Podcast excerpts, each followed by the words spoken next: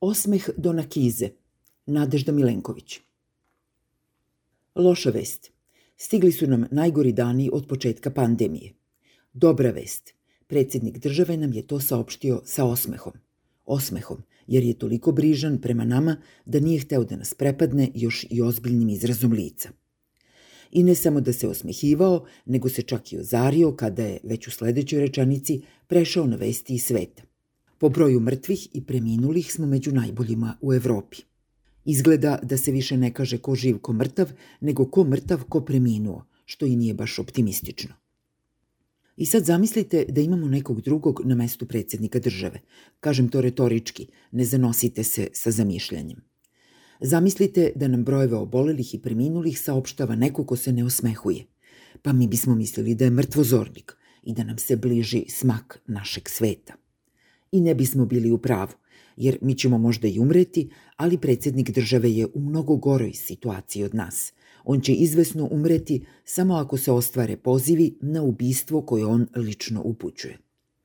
A kada čujete predsjednika države kako svesrdno zaziva da ga već jednom ubiju, jer je to mnogo jeftinije nego da se samo piše i priča o njemu, prosto vam dođe da pozovete bezbednostno informativnu agenciju ili državnu tužiteljku da preduzmu nešto – Ali Bija se ne oglašava, valjda misli da je dovoljno uradila time što je lično predsedniku države javila poverljivu informaciju da neće skoro kraj pandemije.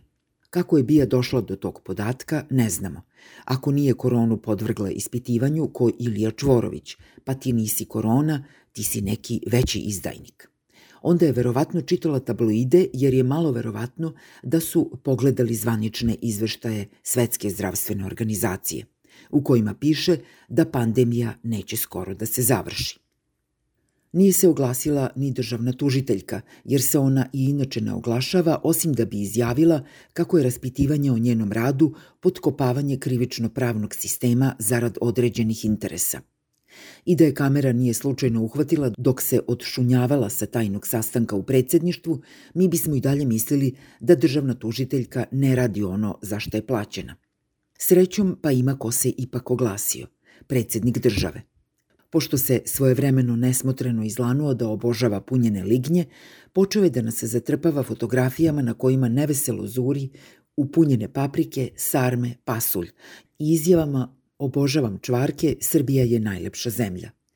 Sada je svoju kampanju, ja sam samo jedan od mladića koje viđaš svaki dan, nastavio izjavom da on nije primio nikakvu imunoterapiju, jer niko ne može da ospori, čak ni njegovi politički protivnici, uvek su protivnici, ne neistomišljenici ili oponenti, jer on je u ratu, da je delio sve teškoće, izazove i muke našeg naroda, jer je ono sve što znamo o njemu samo prazna priča. On je jedan od mladića, la la la la la la la la.